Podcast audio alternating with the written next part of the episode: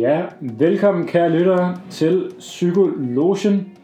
Med jer her i dag sidder øh, undertegnet, som er øh, Niklas Kroner, og øh, vi har Alexander Gammelholm og Lukas Kristoffer Toff Hansen. Og vi er alle kandidatstuderende på Syddansk Universitet og skal i dag snakke omkring behaviorisme.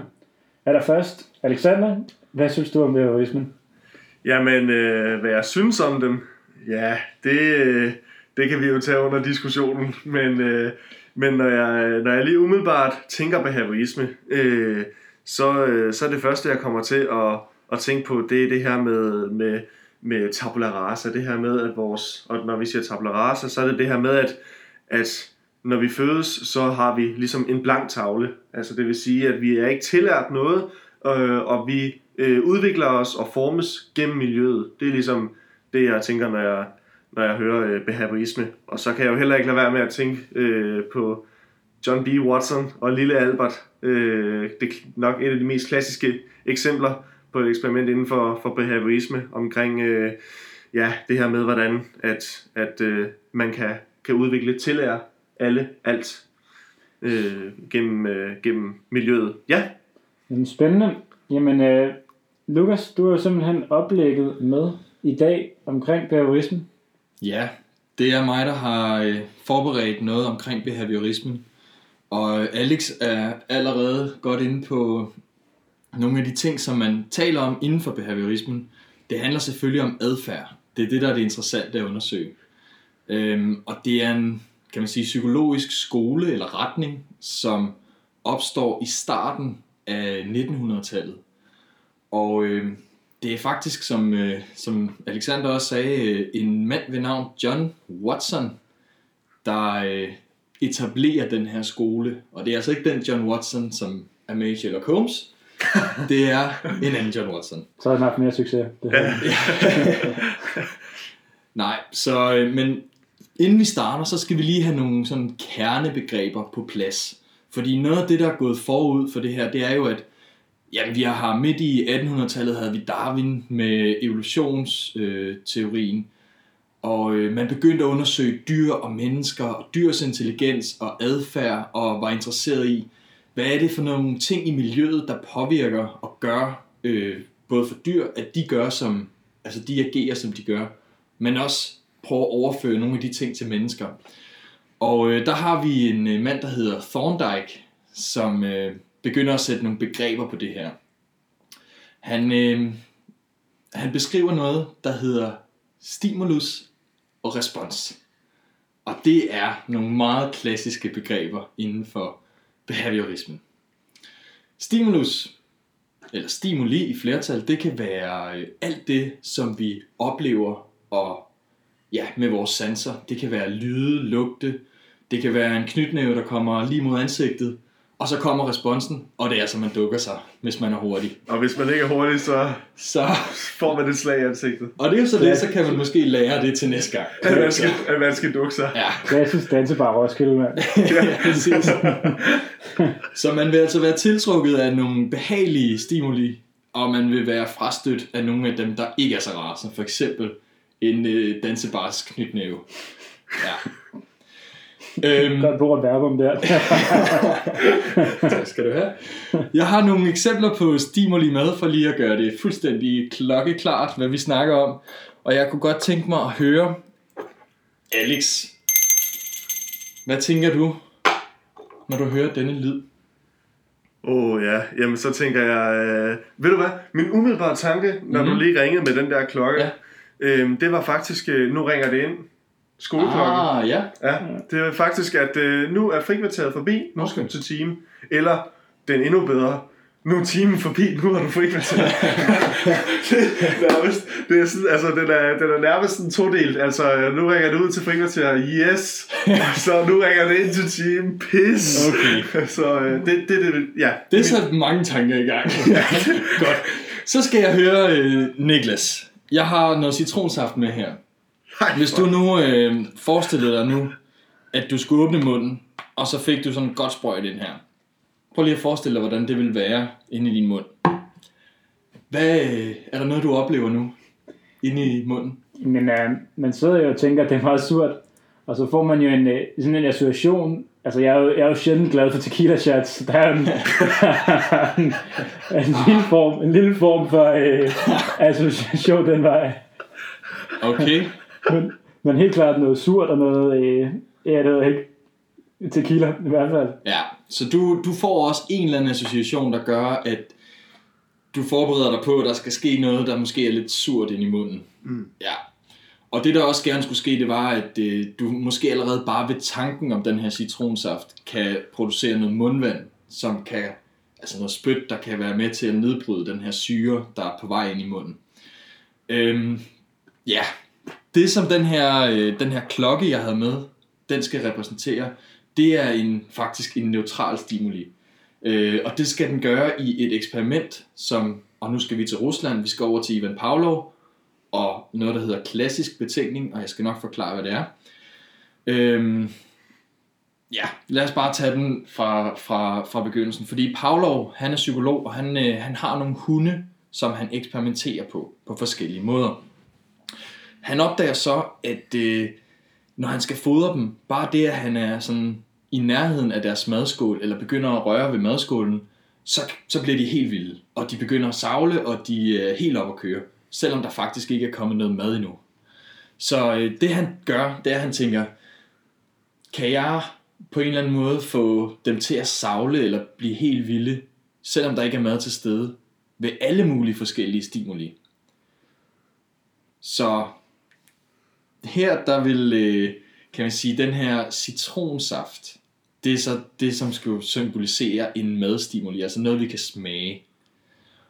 Og det, som Pavlov han gjorde, det var, at han ringede en lille klokke, hver gang han fodrede sin hunde. Og til sidst, efter et stykke tid, når han ringede med klokken, uden overhovedet at have fodret hundene, så begyndte de at savle. Mm. Fordi de associerede klokken med maden. Alexander han associerer så klokken med øh, noget med sin skolegang og sådan noget. Øh, I Pavlovs eksperiment, så var det en neutral stimuli, fordi klokken den gjorde ikke noget ved hundene til at starte med. Men efterhånden, som de lærte at forbinde klokken med maden, så gjorde den noget ved hundene, nemlig det, at de begyndte at savle bare ved lyden af klokken. Ja, så det var det eksempel, og det var det, der faktisk ender med at inspirere øh, ja, John Watson over i USA. Jeg vil gerne starte med at fortælle en lille smule om John Watson, for han er faktisk en ret speciel person. Han, øh, han voksede op i Greenwood, South Carolina. Han, øh, han har sådan lidt en ustabil barndom med en far, der, der faktisk øh, smutter fra familien, da Watson han var 13. Øh, han havde alkoholproblemer, og han havde mange affærer uden for ægteskabet, altså faren. Øh, som barn så var Watson dårlig i skolen, han var ukontrollabel, og han blev også arresteret i sin ungdom øh, et par gange. Han havde et kokainmisbrug, men det gjorde til gengæld, at han ifølge ham selv kunne klare sig gennem studierne. Øh, så Det var jo... Ja, Sagt som en hver god studerende. Ja, lige. Men han, øh, han led altså af alle mulige, øh, både angstanfald og depressioner i perioder. Frygt for mørke i øvrigt. Øhm, han havde lovet sin mor at blive præst. Men øh, hun døde desværre, da han øh, studerede teologi, så han flyttede faktisk universitet, fordi han slet ikke kunne lide at studere teologi. Og øh, han begyndte at læse øh, filosofi øh, i, på Chicago Universitetet. Men han forstod ikke noget af det. Og han udtalte senere, at han ikke havde forstået et ord af, hvad professoren havde talt om, og han stadig ikke havde forstået det. Det er også på kandidat. der er ikke noget af det her studie. Nej, selvfølgelig, vi er gode. Så han, øh, det han gerne ville, det var, at han gerne ville prøve at studere noget, der var lidt mere håndgribeligt. Så han studerede fysiologi, biologi og psykologi. Og han får som 25-årig øh, en Ph.D., og så gifter han sig med en af de elever, som, en af de første elever, han får, som er 19-årig Mary Iges, hedder hun. Ja, men han, øh, han flytter til et andet universitet i Baltimore. Han bliver forfremmet af flere veje, og han ender faktisk som præsident for den amerikanske psykologforening. Men nu skal vi snakke lidt om, hvad det er, øh, der fører ham på den her sti. Og det er selvfølgelig hans akademiske tanker. Øh, fordi han bidrager til psykologien på en helt særlig måde. Øh, han starter det, som han kalder behaviorismen, som øh, ligesom øh, ligger oven på de her grundsten, som er blevet lagt af Thorndike, som har lavet de her stimulus responsmekanismer. Øh, har i hvert fald opfundet det begreb. Altså, øh, når jeg øh, siger citron til Niklas, så begynder han at få mundvand Ja. som respons. Det er det, det handler om, ikke også? Find tequilaen frem. Ja, lige præcis. øh, og så selvfølgelig Pavlov, der laver de her eksperimenter med, med dyr. Og i starten, der vil faktisk, øh, der vil Watson faktisk også kun bruge dyr som, øh, kan man sige, øh, forsøgskaniner. Øh, fordi han vil ikke studere mennesker. Han gider, han, den psykologi, der findes på det tidspunkt i starten af 1900-tallet, det er ikke en psykologi, som Watson han er fan af. Han er ikke særlig stor fan af det, der hedder introspektion, og hedder introspektion. Det vil sige, det er, hvor man øh, spørger forsøgspersonerne ind til deres subjektive oplevelse af det, de bliver udsat for. Det er, hvor man skal mærke efter ind i sig selv og rapportere for eksempel niveauet af smerte eller glæde, eller hvordan smager det her, eller noget andet. Det mente han var alt for subjektivt, og det kunne man jo ikke rigtig måle og veje, fordi vi alle sammen ville opleve ting forskelligt. Hmm. Det er ikke en objektiv skala, mente han. Men noget, man kunne måle objektivt, det var adfærd. Fordi man kunne nemlig bare, for eksempel ligesom at ringe med en klokke, eller øh, på en anden måde give smerte via øh, at nive i folk eller noget, så kunne man se, hvordan reagerer de, når de får den her stimulus. Øh, hvad gør de så? Og det kan man måle. Og det var det, som Watson han mente, at psykologien skulle beskæftige sig med. Ja. Han, øh, Watson han får også en masse gode idéer i løbet af ja, øh, 1920'erne, og øh, han udkommer faktisk i 1928 med bogen Psychological Care of the Infant and Child. Og det er altså øh, en bog, hvor han beskriver, hvordan øh, opdragelsen bør være. Han, han siger, øh, forældre i dag er inkompetente og burde blive dømt for psykologisk mistrivsel af deres børn. Og det han så fortsætter med at sige, det er, at forældre de skal aldrig kramme, kysse eller lade deres børn øh, sidde på deres skød. Han, man kan give dem hånd, når man siger godmorgen, og man kan omnødvendigt kysse dem på øh, panden, når man siger godnat til dem. Han er, han er forud for corona. Vidste, det kom. Lige præcis. Nej, fordi er det det, det som Watsons øh, filosofi bag det her, det var, det var, at hvis øh, dit barn falder og slår sig, så skal du jo ikke trøste og give omsorg, fordi så øh, tillærer du barnet den her adfærd med at gå og slå og falde sig, eller slå, falde og slå sig, hedder det. så øh, hvis du dummer dig, så skal du mærke smerten, kan man sige. Så derfor så skal du ikke gå og øh, fremelske alt muligt adfærd hele tiden. Du skal kun belønne, når, når det er nødvendigt at belønne. Det giver god mening, ikke? Øh, Eller Det er helt vildt god mening. Ja. Helt vildt god mening. Lige præcis. Man tror det, man tror det. Godt. Så han var altså en lidt, kan man sige, altså kynisk øh, videnskabsmand, og det skal også øh, vise sig i, og det er det sidste, jeg lige vil introducere øh, til behaviorismen i dag, øh, i hans eksperiment med lille Albert, som du jo også, Alexander, var inde på tidligere. Det er et eksperiment, meget kort sagt, hvor at en 8 måneder gammel øh, dreng bliver sat i sådan et forsøgslokale, sidder sammen med øh, nogle søde små rotter, søde kaniner, nogle pelsdyr, øh, som drengen faktisk har det helt fint med. Sidder måske og hygger sig lidt med dem, og ja, har det godt. Men Watson han skal så prøve at øh, få tillært barnet at være bange for de her dyr. Så det han gør, det er, at han laver et buller og brag og spektakel øh, med alt muligt i baggrunden, når øh, barnet, altså lille Albert, er sammen med de her dyr. Det lyder bare ikke særlig farligt. Han laver buller. det var fuld opdrag. Det er nogle meget ubehagelige lyde, faktisk. Ja. Og det der sker, det er, at øh, lille Albert han begynder at græde, fordi han hører nogle meget høje, ubehagelige lyde, også, øh, som man også kan beskrive som buller og brag. Og, øh, og efter noget tid, så bliver lille Albert faktisk bange for kaniner, øh, og rotter og små pelsdyr, uanset om der er tilstedeværelse af den her øh, larm i baggrunden. Fordi han associerer de her dyr med den her larm og den her ubehag, som han har følt, når Watson han har stået og braget øh, derudaf. Ja. Så øh, ved at komme med sådan en ubehagelig stimuli til en neutral stimuli, som faktisk kaninen var, så har han tillært øh, barnet at være bange for det. Ja. Det var faktisk nogenlunde det, som vi kan nå at introducere omkring det her. Så hvis du skulle opsummere, hvad er det, behaviorismen så handler om? Ja. Det her det er den tidlige behaviorisme, som, vi har, som jeg har fortalt lidt om, og mm. det er mm. her, man, øh, man opfinder det her klassisk betingning. Betingning, det er det her med, at man giver nogle neutrale stimuli, som for eksempel en klokke, en eller anden betydning, eller en kanin, en eller anden ny betydning. Det er det, der hedder betingning, eller på engelsk conditioning. Ja. Ja. Så. Ja, man kan også sige specielt centralt for det er jo også, at man går væk fra at tro på sindet, og går væk fra at tro på, at vi har noget i os, men kun at vi er styret af, øh, hvad hedder det nu, det omkring os. Det, var det sådan med, at Watson sagde noget med, at han kunne, hvis han fik 10 børn, så kunne han gøre dem til alt i verden. Han kunne skabe nutidens Cristiano Ronaldo.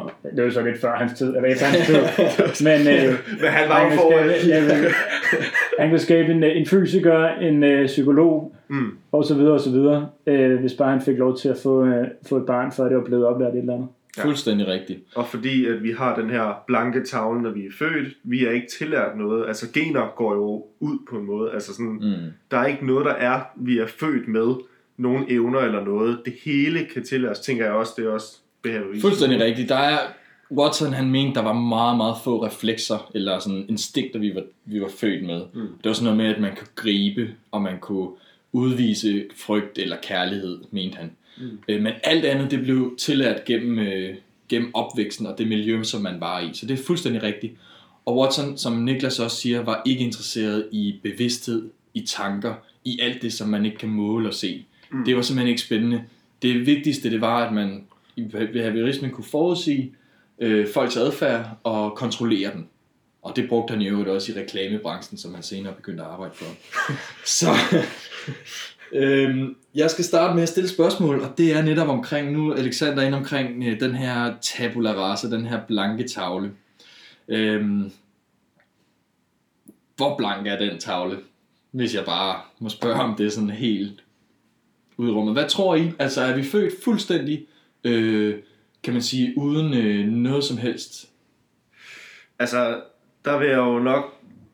Der må jeg nok hellere krybe til korps og sige, at den er jeg nok ikke selv helt overbevist om. Øhm, jeg tror, at der helt sikkert er, eller at miljøet helt sikkert spiller en rolle i vores opvækst.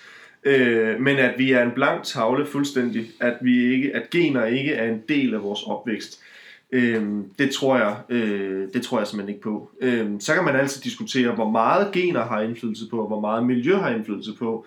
Og det kan man jo også sige, det kommer øh, i nogle tilfælde vel også an på, hvad der er tale om. Øhm, men, men, øh, men bare sådan, hvis man skal svare på det spørgsmål omkring helt blank tavle, så vil jeg i hvert fald personligt mene, at det er vi ikke. Vi er ikke øh, født uden nogen som helst genetiske, øh, hvad kan man sige, genetik overhovedet, øh, andet end at vi har DNA i kroppen og er mennesker. Øh, der må også ligge noget øh, arv fra, fra vores tidligere generationer, som medfølger. Det er i hvert fald min personlige holdning. Jeg vil da sige, altså nu, det er måske ikke, jeg er jo kæmpe stor øh, øh, tilhænger af evolutionspsykologien, øh, som jo han, handler om, at vi har medbragt en masse ting, ikke bare i vores gener, men, men som ligger dybt i os i hjernen og forskellige steder, som vi har indsamlet til, igennem de her mange, mange, mange tusind år, vi nu har levet, øhm, og udviklet os fra dyrene til øh, de tidligere homoarter, øh, for at blive øh, homo sapiens, som vi er nu. Og øh, tillært en masse... Du kan ikke sidde, sidde og grine over, at vi bruger homo. Undskyld, nej, undskyld. det må du selv på. Ja, Øh, ja. Måske, Så, sådan, ja, altså, så sådan, det der med, at man, øh, det der med, at man starter med sådan en helt hvid tavle, det, øh, det må jeg indrømme, at den, det ser jeg ikke er særlig, øh, øh, at det ser jeg ikke som er særlig åbenlyst, og øh, tror ikke på, at det er ligesom sådan, vi er. Øh, Og det er selvfølgelig homo sapiens, som vi, altså, eller hvad, altså sådan, ja, ja, altså, altså, det sådan, mennesker, det vi er. var, ja, lige blev Ja. jeg slut med, at det er homo sapiens, som vi er kommet til. Jeg skal bare lige redde mig selv, inden vi går ud over et eller andet. Øh, altså, nej, Godt. jeg er helt, og der, der er jeg helt enig. Altså, det, vi, der er nogle ting, vi, vi simpelthen er, er medfødt med. Igen, så kan man jo stille spørgsmålet, hvor meget er gener, og hvor meget er miljø? Og mm. hvornår påvirker miljøet mest, og hvornår er det alt efter, hvad vi bliver udsat for. Øhm, jeg tænker også noget som, altså, jeg ved ikke, altså, jeg, jeg kommer til at tænke på sådan noget som resiliens, som mm. Er et rigtig godt, øh, og, og når vi siger resiliens, så er det jo i forhold til det her med, mælkebøtten, der, øh, der, der gror op af, af asfaltvejen. Ikke?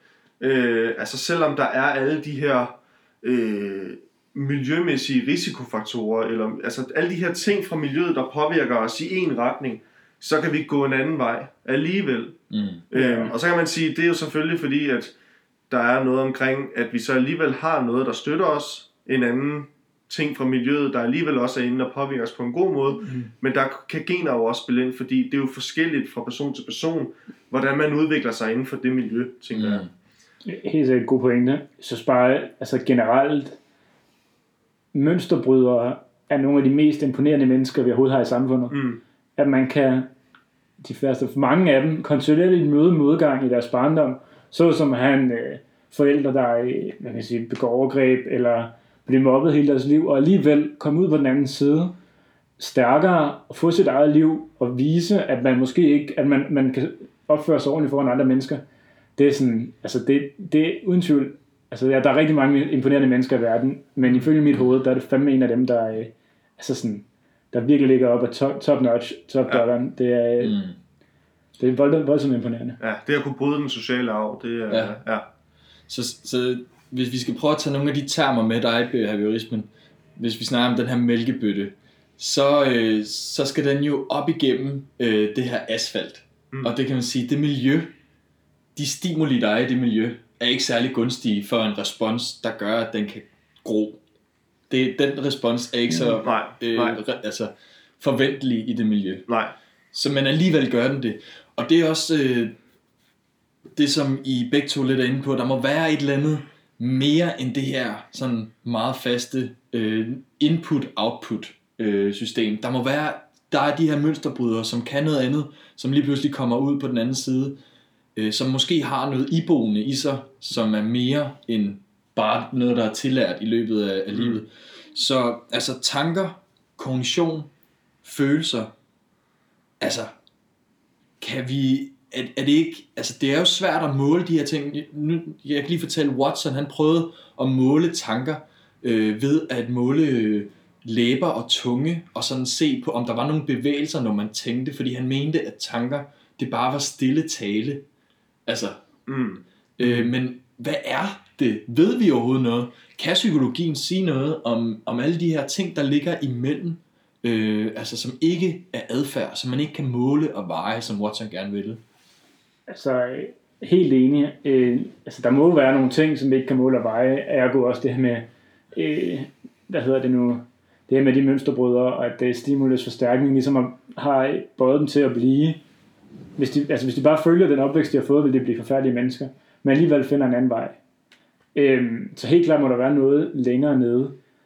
Men på den anden side, så kan man sige, for eksempel det der med at måle tanker, det er måske ikke så meget omkring spørgsmål at gøre, men det er en interessant tanke, for der er mange børn, som tænker højlydt ved at sige højt sådan, jeg kunne godt tænke mig at lege med bilen, og så går de over for at lege med bilen, mm. hvorimod, og så vokser det lidt mere op, og så begynder det så at være sådan inde i hovedet, man sådan tænker, jeg vil godt tænke mig at lege med bilen, og så kommer man hen og lege med bilen.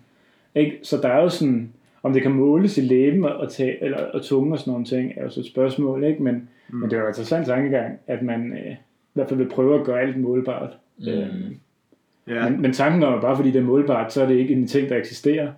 Det er måske sådan, altså det er lidt en syg tankegang. Øh, så kan man sige, alt teologi, alt tro, alt håb, alt muligt vil bare være, en, være ingenting, fordi at øh, håb er omkring noget, der burde komme, men som ikke er bevist for endnu. Ikke? Mm. Jeg tror også, det er netop, er den glipper, fordi som Niklas siger, at det er en rigtig god tanke, han har omkring tanke omkring tanker. Slam. Ja. Nej. Altså det her med, at, at, det, med, at det bare er, er, er, hvad var det han sagde, det, du måler det via læbe og, og Ja, bevægelser i tungen. bevægelser i tunge og så videre, fordi det bare er stille tale, var det han Mhm. sagde. Ja. Ja. Og man kan sige, det er jo også en rigtig interessant teori, men igen det der med, hvordan vil du måle og veje det, og så, så bliver der måske også den der, når, man, når, når vi bevæger tungen på den måde, eller øh, læberne på den måde, så tænker han eller hun sådan der. Mm. Og det er jo igen, så opstiller vi nogle universelle lov, eller noget, der, en lov, der skal gælde for hver gang det samme. Ikke? Om, så bliver det lidt, eller den gang vi snakkede om Freud og Mm. øh, det her med, øh, jamen, hver gang det er sådan her, så er det fordi, det, så er det fordi du tænker sådan her. Altså sådan, så vi, Øh, og det er jo det, når vi måler og vejer, så prøver vi jo at finde frem til et svar, der så skal være Ja. så entydigt som muligt. Ikke? Men det er jo svært at måle sådan noget her. Men det er også sygt, der kommer også lidt, der er kommet lidt forskning på det seneste, som godt kan tage lidt i Watsons retning, mm. i, i form af, der er for eksempel lavet, hvilket jeg synes var et sindssygt interessant studie, der var lavet på baggrund af hjerneundersøgelser, og så fik man vist nogle billeder, og så kunne de forudsige, hvad du ville vælge, mm. før du blev bevidst om, at du, hvad du ville vælge. Ja. Så de kunne forud, før du tænkte, det er det her, jeg vil vælge, så kunne de se øh, ved hjernescanningen, hvilket billede du ville have tænkt dig at vælge. Ja, okay. Og det kunne tyde på, at der ligger nogle, noget determinering, noget miljø, som forårsager og påvirker, mm. øh, hvilke valg vi vil tage. Ja. Ikke? Der ligger simpelthen Øh, noget til grund for det. Ja, før du bliver bevidst om det, Ja. øh, at der ligger en eller anden sådan, determinering i hjernen, og det som er på grund af emotion, at der kommer nogle tanker der, eller om det er på grund af miljøet. Men der er i hvert fald også nogle, altså desto flere øh, måleenheder man får, desto bedre bliver det måske også til at måle de ting, hvor man før tænkte, det er der ikke, fordi man kan ikke måle det. Mm. Hvor nu, fordi man kan måle det, så bliver det måske mere over i det her med, øh, igen det her med Watson, at hvad fanden Ja, har jeg at gøre ikke, med øh, miljø. Og, øh, Helt bestemt, fordi som du også siger, du bruger ordet, altså deterministisk for eksempel. Det er, det er jo noget, som man vil øh, enten kritisere eller elske Watson for at være, at han ikke øh, tænkte højt om vores egen fri vilje, mm. men at vi er styret fuldstændig af de ting, der foregår i vores miljø. Og, øh, og det er jo svært, når vi har sådan en, en som mennesker en, en oplevelse af at have en bevidsthed, og af, at øh, der er alle mulige andre ting og tanker og ja, øh, forskellige ting, der påvirker os, frem for sådan en meget mekanistisk, øh, jeg ser øh, noget mad, jeg går hen og spiser maden. Men at vi har sådan flere nuancer ind over det, inden vi, inden vi gør noget, inden vi træffer nogle valg. Mm. Men jeg kunne godt tænke mig at høre, altså i forhold til for eksempel dyr, nu havde Pavlov det her øh, med, med de her hunde. Øh, det kan godt være, at vi mennesker har en bevidsthed, men har Watson ikke i det mindste en pointe ved mere primitive arter, at de er fuldstændig determineret? Det kan vi næsten måle og se. Eller hvad? Deres adfærd. Altså, den er svær. Der er jo rigtig mange dyr, som viser samme tendenser, som mennesker gør, øh, i forhold til rigtig mange ting. Øh, hvis man bare kigger for eksempel aber, så er det jo, altså hvis man nogensinde har været zoo og set chimpanse, det er jo vanvittigt, hvor menneskene er, de er. Ja. Øhm, hvor meget de, der er ligesom i, i vores verden, er der et hierarki, de følger, og der er kærlighed og omsorg om bar, til barnet, og så det vil sige, at der er nogle følelser involveret, og altså sådan mange af de ting, som er med i øh, dyreverdenen, besidder vi mennesker også. Ikke? Så øh, om det er en primitiv intelligens, altså sådan, man kan sige, jeg tror, jeg tror på, at mange af dem har de samme følelser og forskellige ting, som vi har, men intelligensniveauet vil vi jo være højere, ikke? Mm. Øhm, I hvert fald evne til at bruge vores frontallappe. Mm. Så det, altså det er et svært spørgsmål. Ja, altså jeg, jeg kan heller ikke lade være med at sidde og tænke over, at, øhm, at behaviorisme ligesom også er det her med, det er i hvert fald sådan, jeg har forstået det, at vi, det er the study of, altså vi prøver at gøre psykologi til en videnskab. Det er jo også det første gang, at vi siger, vi skal prøve at forstå psykologi som science, eller som videnskab, og det her med at prøve at kode det ned, til at vi kan måle og veje det og så videre. Og der tænker jeg også bare, at, at det kommer også, også, så bliver det jo også præget af de forsøg, man så laver med, med de her dyr. Fordi så bliver det jo sådan noget meget, igen, det bliver jo sådan nogle, det vi måske i dag også vil kalde reflekser eller instinkter, mm. vi måler på. Så det er sådan noget med for eksempel Pavlos hunde, der begynder at savle, jamen det, er jo, det, vil jo, det, det sker for de fleste hunde, fordi det er et, en refleks eller instinkt, de har, når de bliver sultne. Øh, vi kan også måle på os, øh, når det, altså hvis vi skruer temperaturen op herinde på, på 40 grader, så, så, og så se, om vi begynder at svede, øh, og så sætte det sammen altså sådan, det er jo, det er jo det er jo ting, som sker. Det er jo, altså, det er jo reflekser eller fysiologiske øh, reflekser, der begynder at ske. Øh, men der er jo ikke så meget omkring, jamen, hvad tænker du i den der situation, Mm. eller hvad føler du i den der situation. Det er meget adfærd kontra en, en øh, ud fra noget, vi oplever. Ja. Hvad gør vi så med vores krop? Øh, så, så jeg tænker også det, at hvis, så for at svare på spørgsmålet, eller min pointe med det er bare, at det kommer an på, hvad du måler på, og hvad du mm. vil med forsøgene, fordi de forsøg, du laver, selvfølgelig vil mange af dyrene have de samme, og der vil det minde om det, vi mennesker laver. Men som Niklas siger, for eksempel intelligens, eller det med, hvad vi føler, eller hvordan tænker vi osv., det er jo sværere at måle der jo. Mm. Men man, kommer, man er kommet lang vej. Jeg husker, jeg, hører, jeg har hørt nogle historier omkring, hvordan man under behavioristens tid, behaviorismens tid, når man lavede forsøg på dyr, så bedøvede man dem ikke, fordi man tænkte, dyr kan ikke føle, de har ikke nogen tanker, mm. det er bare primitive væsener. Og så skar man bare i dem, uden at, uden at give dem noget bedøvelse. Ja. Øh, hvilket er, man kan sige, med set med nutidens briller, fuldstændig hul i hovedet. Ikke? Ja. Vi har, øh, vi har Alexander, din hund liggende ved siden af os. Øh, sådan, ja, ja. ikke? At tænke på så meget kærlighed, det simpelthen kan, at, det, at man kan se på det som så primitivt, som de gjorde dengang. Ja. Det er sindssygt. Ej, der er jo ikke nogen, der sker i dig, vel? Nej. Nej. Men det, det er faktisk et meget godt øh, oplæg til at lige få, øh, få sagt noget om, hvor Watson han efterlod både sin ja, egen familie og sine forsøgspersoner. Øh, personer. øhm, det er sådan, at for eksempel lille Albert, som vi talte om tidligere, som han, lær, altså, han lærte ham at blive bange for, øh, for pelsdyr. Mm. Man sendte ham ud af, af kan man sige, forsøgsrummet, og så sagde man, øh, fortsat godt liv til dig, du. Og så så man ikke øh, lille Albert igen. og der er faktisk forskellige meninger, eller, eller der, er, der er forskellige kilder, der siger forskellige ting. Om Albert han døde som seksårig af en eller anden ledelse, eller om han voksede op og blev psykisk syg. Der er flere, der, der påstår, at de har øh, altså, øh, haft kontakt til Albert, øh, som han så ikke hed i virkeligheden, men ja, øh, efterfølgende. Men, men det, der er interessant, det er, at Watson han var faktisk ikke interesseret i at aflære øh, det, som han havde lært øh, Albert. Hvis vi kigger på Watsons egen familie, jamen, så går det faktisk heller ikke så godt igen. Øh, han får tre børn. Øh, hans to sønner, de er voldsomt selvmordstruede øh, oh, den, i, i ungdommen og voksne alder. En af dem begår selvmord.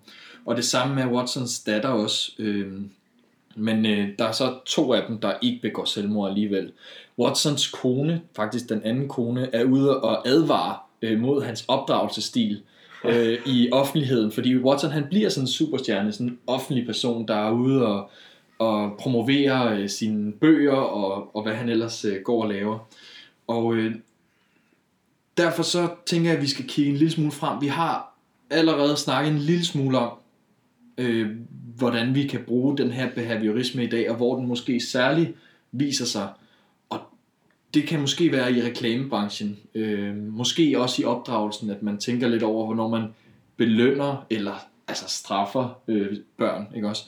Øh, hvor meget tror I, altså i forhold til, for eksempel lad os tage reklamebranchen i dag, hvor meget trækker de på behavioristiske tanker, altså, til, altså tankegang? Hvad tror I om det? Jamen, jeg tænker, at, at der helt sikkert også er noget i dag øh, i forhold til det her med, med stimulu, stimuli, respons, stimulus, respons. Det her med, jeg kan ikke lade være med at tænke på den der, øh, altså bare det, du begynder at forklare reklamer, så, kan jeg, så begynder jeg at tænke på den der McDonald's, den der ba ba ba ba ba, I'm loving it. Altså, og det er jo sådan noget, det er jo bare ud fra det, så begynder jeg at tænke på det. Mm. Og nu bliver jeg faktisk ret irriteret over at tænke på det, for nu har jeg lyst til McDonald's mad. Men det er ikke pointen. Nej, det er jo, Point- det er jo præcis pointen, ikke? Det er jo netop pointen. Fordi at, de her, Det er godt, du kan hjælpe mig. Men, at, de her, at de har givet dig, altså du har fået en stimulus, du har enten fået en sang, og så har Ja, du fået burgeren præcis. til, og du får, så får du den respons, at du har sult på baggrund af både sangen. Det var lige præcis forsøget på baglov Ja, men, men min, min pointe var ikke, at jeg skulle begynde at spise McDonald's nu. Men det, ja, selvfølgelig pointen er jo, altså det opfylder jo fuldstændig kriteriet inden for behaviorisme. Det er også Ja. rigtigt. Øh, Vi skal, men, men det er jo det der med, at ja, det, det var jo fuldstændig pointen, udover at jeg så Ja. skal have noget at spise nu. Det var flot set, Alex. Ja, Tak. Det var rigtig flot. Tak. Ja, men man kan tænke, altså sådan, du nævnte også øh, i forhold til børneopdragelse, der er selvfølgelig også specielt interessant, øh, for der er jo mange det her, hvor man snakker om, at øh, man skal ikke, øh, hvad hedder det nu, øh, komplementere dårlig adfærd, for eksempel. Det er også Mm. det stimulus-respons. Øh, og øh, altså sådan hele den her med, at, sådan, at man, når barnet gør noget, man gerne vil have til, så giver man dem en, altså sådan et stykke slik. Hvis barnet det siger tak for mad, så siger man, godt arbejde, det var du god til. Og det er jo lige præcis stimulus respons. Så får man nogle positive associationer til et eller andet, og så gør man det igen næste gang. Mm. Så øh, altså sådan, selve tankegangen bag er super interessant og stadig sindssygt relevant i dag. Mm. Klart. Ja, der findes også inden for psykologien stadigvæk sådan noget adfærdsanalyse Mm. og adfærdsterapi, hvor man øh, altså inddrager nogle af de her ting. Hvad sker der for dig, når du øh, gør sådan og sådan, og kan du ændre den adfærd, så kan du måske blive gladere eller noget andet.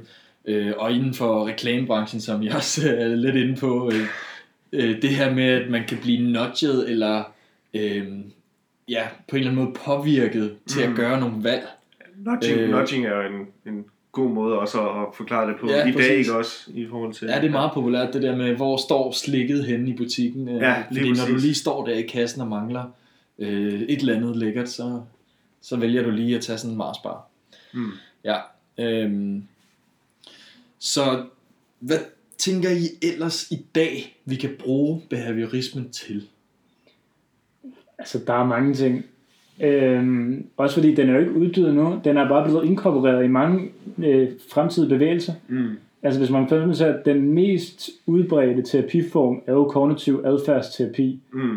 og øh, hvor at behaviorismen jo ikke så på konventionen, men de så tænker på adfærden, og det er den del, der stadig er med, at man sådan, man enten prøver at tillære eller fralære forskellige adfærd. Øhm, Mm. Øh, hvis man for eksempel har en fobi for et eller andet, øh, så har man måske lært, at hvis vi har været i den her situation, så er der sket noget dårligt, og derfor har man også fået en eller anden fobi for et eller andet. Altså der kommer en respons på en stimulus. Og her i dag, så tager man jo stadig folk ud i sådan noget exposure therapy, hvor man præsenterer dem til en lignende situation, ser der sker noget der, øh, altså man giver situationen som en stimulus, mm. og så prøver man at se på responsen. Mm. Og når der ikke sker noget ved for eksempel en plads med åbne mennesker, så begynder jeg lige så småt at aflære den her. Øhm, og det er jo lidt, og det, jeg vil sige, den del for eksempel bruges jo stadig sindssygt meget i dag, også i, te, øh, i terapi sammenhæng. Ja. Ja, og bare sådan gå ind og se på nogle af de der altså YouTube-videoer omkring øh, kognitiv adfærdsterapi og, og arachnofobi, altså folk, der er bange for æderkopper, ikke? Altså hvordan de stå, starter med simpelthen bare det, de skal tænke på at skulle ind og, og se en æderkop, at de nærmest besvimer, til at de så rent faktisk kan gå ind i rummet og, og stå med den her æderkop og, og, og røre ved den og, og have den på hænderne osv. Ikke? Altså den der med, at, at igen, det her med at kunne, kunne tillære, ligesom, om der sker faktisk ikke det du, men man kan sige, og, og der er selvfølgelig også andre ting involveret i den terapi andet end, end, end det ikke, og det har også meget med tanker at gøre øh, inden for netop kognitiv adfærdsterapi. Men, men det er jo rigtigt, det, det udspringer jo af, af behaviorisme. Ja, og man kan også sige bare generelt menneskeligt, altså det giver bare pissegod mening. Mm. Sådan, hvis nu for eksempel, at man sidder og tænker over, at man, altså for eksempel, jeg fik, øh, da jeg var 8, der spiste jeg en, altså jeg tror ærligt, det var sådan en 300 gram Marsbar, og øh, så brækkede jeg mig hele natten. Og efter det har jeg ikke kunne lide Marsbar. Og sådan, det er bare sådan, det giver bare pissegod mening. Jeg har haft en, en stimulus for Marsbar, har haft en dårlig, dårlig oplevelse med det, Ja. og derfor kan jeg ikke lide det efter. Ikke? Så hele tankegangen bag den, Din krop har simpelthen sagt til dig nu, nu resten af livet, du skal, den har lært, at du skal ikke have de ja, præcis, Du det skal ikke have den nat. du Det er ikke godt for dig. Nej, ja. Ja, Så det, ja, altså sådan, jeg synes både altså sådan terapimæssigt og bare generelt, lo- generelt logisk, at der er mange ting, der giver god mening. Øh, Mm. øh, ja. Mm.